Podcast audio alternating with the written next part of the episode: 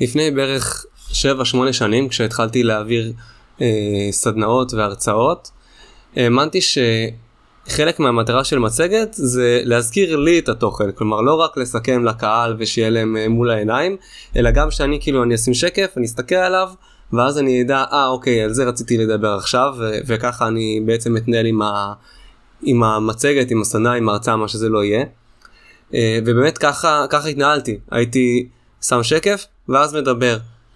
סיימתי את מה שהיה לי להגיד על השקף הזה, עובר לשקף הבא, ואז מדבר. והתוצאה של זה הייתה שהדיבור שלי הוא, הוא לא היה בפלואו, הוא לא היה בזרימה. אה, היה כזה משהו תקוע כזה, לא, לא כריזמטי, זה היה טה טה טה טה טה, עם כזה אם כזה, מן עצירה כזאת, אוקיי, עובר שקף, ואז מתחיל לדבר, כאילו המצגת הייתה שולטת בי ואני הייתי כל הזמן במרדף אחרי המצגת. אה, במקום שאני אשלוט בסדנה ושאני אשלוט בפלואו ושאני אביא את האנרגיה והיא תזרום והמצגת כל הזמן תלך אחריי. אז זאת לא הייתה הטעות היחידה שעשיתי עם, אה, עם אה, מצגות, זאת גם לא הטעות היחידה שבאופן כללי ראיתי ושמעתי מרצים אחרים עושים עם סדנאות, עם, עם מצגות. אז זה, זה מה שאנחנו הולכים לדבר עליו עכשיו בפרק הזה של הפודקאסט על הבמה. על מצגות, על איך לעבוד איתם נכון, איך להימנע מהטעויות הנפוצות ש, שאנשים עושים, כדי שההרצאה שלנו תהיה זורמת בפלואו, זה לא רק הרצאה, זה פרזנטציה, זה שיעור בכיתה, זה כל דבר כזה שמלווה במצגת, כל בעצם אה, דיבור, דיבור שמופנה לקהל, נקרא לזה ככה.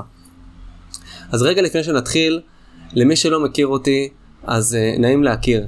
אני אומר לוין, בשבע שמונה שנים האחרונות אני מעביר סדנאות, הרצאות, קורסים בתחום של NLP והתפתחות אישית בעיקר, וגיליתי שאני מאוד מאוד אוהב את המקצוע הזה של הדרכה. בכל הזדמנות שהייתה לי הלכתי ללמוד ול, ו, וללמוד עוד, אה, אם זה ללמוד ממש הכשרה של דיבור מול קהל, או איזשהו קורס קטן, אם זה לראות מרצים אחרים ולהבין, mm, רגע, למה, למה זה עושה לי טוב ההרצאה הזאת? למה זה עושה לי נעים בבטן? מה אני יכול ללמוד מזה כדי לעשות את זה גם לקהל שלי?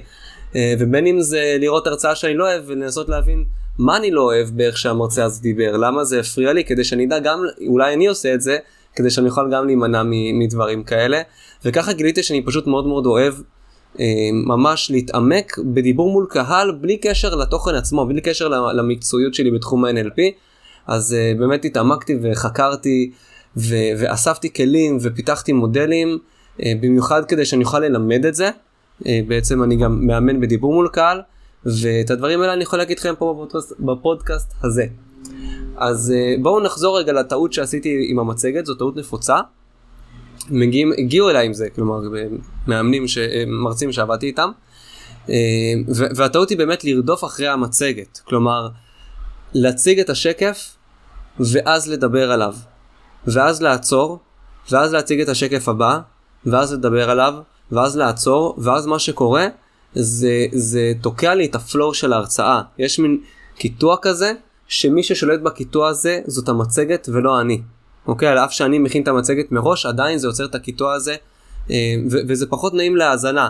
עכשיו, אני, אני כבר אגיד לכם, יכול להיות שבשבילכם זה יהיה רק דיוק קטן, יכול להיות שאתם מעולים, כאילו יכול להיות שאתם מביאים אנרגיה טובה, יכול להיות שכל ההרצאה שלכם מעולה, אבל באמת השיפור הדבר הקטן הזה יעשה שיפור לדעתי משמעותי, אפילו אם ההרצאה שלכם כבר טובה.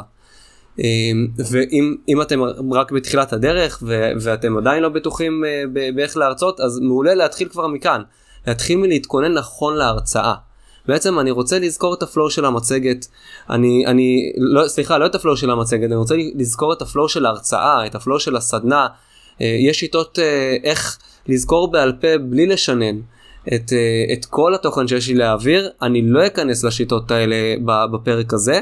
אבל שתדעו שזה קיים, אני לא חייב לשנן מילה במילה ואני לא חייב להסתמך על מצגת. אני יכול ממש להסתמך על הזיכרון שלי, ו- וכדאי שאני אעשה את זה, כדאי שאני אדע את התוכן שיש שיש לי להעביר, אה, בלי שאני צריך להתייחס למצגת כל הזמן, ובעצם את המצגת אני מריץ כאילו ברקע. זאת אומרת שאני מדבר ומדבר ומדבר, מעביר את התוכן שלי, כשהשקף שנמצא ברקע הוא רלוונטי לתוכן, הוא השקף הרלוונטי, ואני עובר את השקף הזה, אני כבר כאילו עובר בתוכן לשקף הבא, ואז אני עובר לשקף הבא. ככה שכאילו המצגת רודפת אחריי. אמ, אני אנסה לתת אולי דוגמה קונקרטית, נגיד שיש לי שקף אחד עם אה, אה, איזשהו משפט שמסכם את התיאוריה שאני מעביר עכשיו, אני מדבר על איזשהו משהו מופשט כזה תיאורטי, ושקף הבא כבר יש שלושה עקרונות. אז אני אגיד את המשהו התיאורטי הזה, אני אעביר אותו, ואני כבר אכנס לעקרונות, אני אתחיל להגיד את העיקרון הראשון, השני והשלישי, ואז אני אעביר שקף ואני אראה להם הנה, ופה זה מסוכם לכם, זה כתוב, או אפילו שאני לא אתייחס לזה, לא משנה, העיקר שאחרי שהתחלתי להעביר את העקרונות, או במהלך שהעברתי את העקרונות וכולי, רק אז אני מעביר את השקף, ולא לפני. זה לא שאני תיאוריה, שקף, אלה העקרונות, אלא תיאוריה, עקרונות, ותוך כדי אני מעביר כבר את השקף אה, לשקף של העקרונות. אז זה, זה, זאת אה, אה, טעות אה, נפוצה ראשונה, ובעצם טכניקה איך להתגבר עליה. אה, נעבור עכשיו בעצם לדבר השני, אה, שזה משהו שנתקלתי בו, כלומר פעם ראשונה שממש ראיתי את זה בצורה בולטת, זה היה באיזשהו כנס קולינריה ענק שהשתתפו בו המון אנשים, והיה, המצגת הוקרנה על מסך עצום כזה, המסך ממש ממש גדול וגבוה כדי שיוכלו לראות את זה נורא מרחוק. ומי שהרצתה שמה שקף עם הרבה מידע. היה שם אה, כמויות חלבון וכל מיני מאכלים ותמונות חמודות כאלה של כל המאכל. אה, ולא רק חלבון, היה שם חלבון, ברזל וזה, כל מיני אה, כאילו נוטריאנס שיש באותם מאכלים. היא שמה את השקף הזה והיא דיברה על תוכן אחר.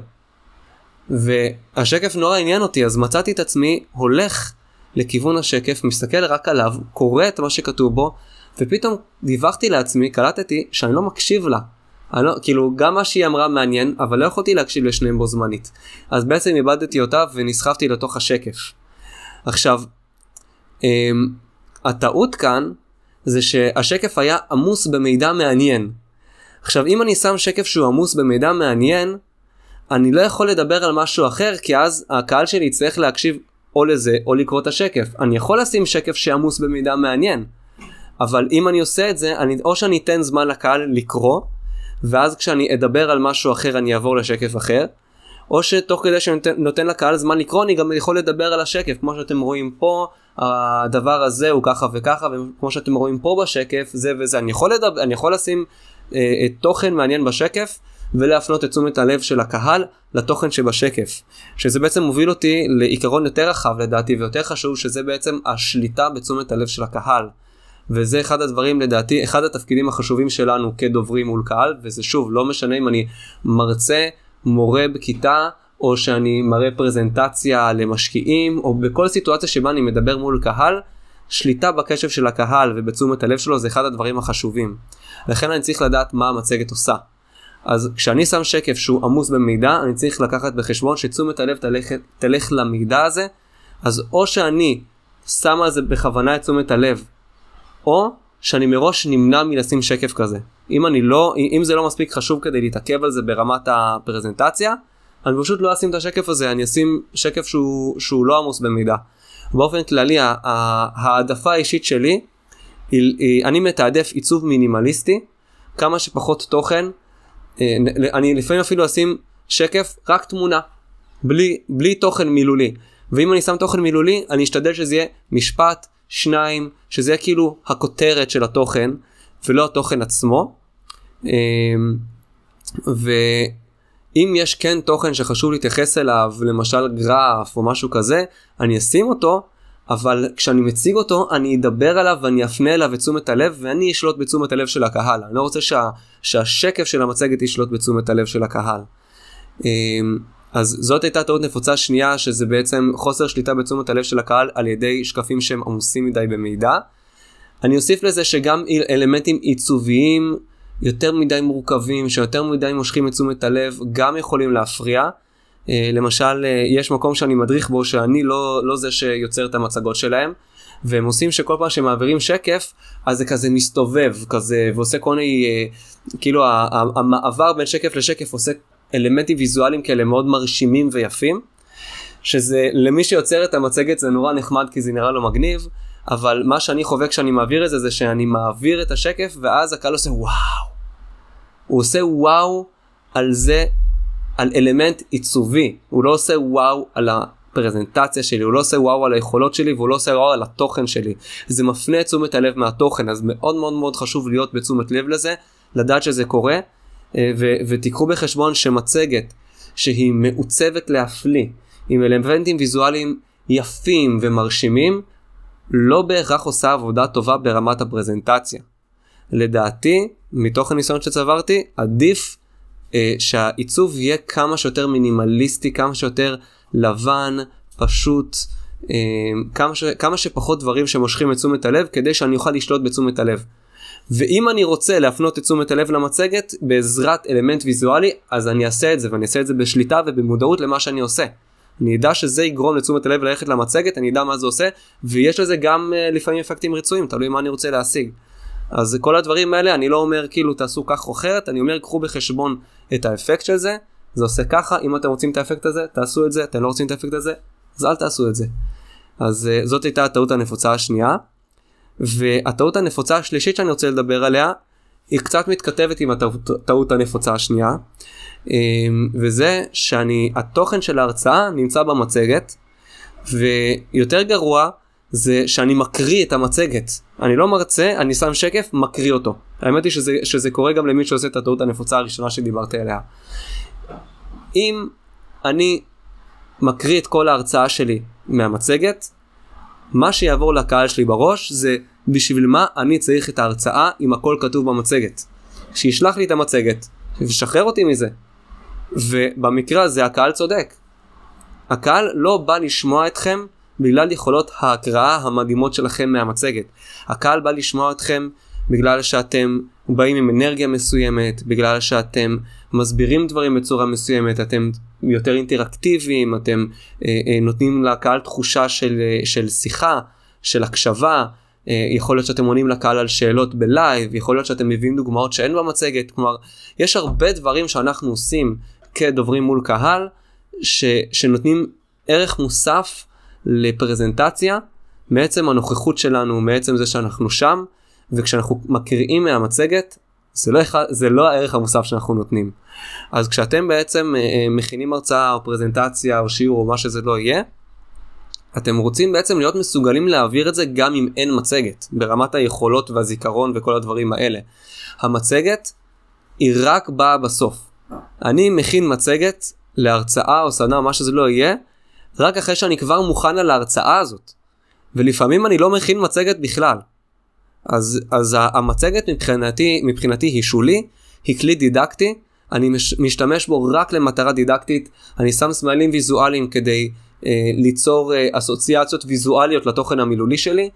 אה, אני שם לפעמים, כאילו נגיד הכותרות המילוליות שאני שם זה כדי שיהיה כמו כותרת שמסכמת את התוכן שדיברתי עליו, אלה המטרות של המצגת מבחינתי. זה, זה הסיבה שאני אשתמש בה ולפעמים אני לא אשתמש בה. אז תתכוננו על התוכן שלכם כאילו, ש, כאילו שלא תהיה לכם מצגת ואז תשתמשו במצגת בתור בונוס עם אפקטים נוספים שאתם רוצים להוסיף כמו שציינתי עכשיו.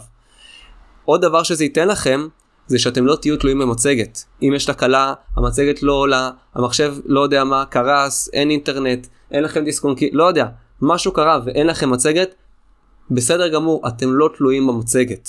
אז אתם יכולים לעבוד גם בלעדיה, וזה אחד הדברים שלדעתי הם, הם בין החשובים למישהו שעובד עם, אה, ש, שמדבר מול קהל, מרצה, מדריך וכולי, להיות מספיק גמיש כדי להיות מסוגל אה, להתמודד עם כל בלטם, ואחד מהם זה שאין מצגת.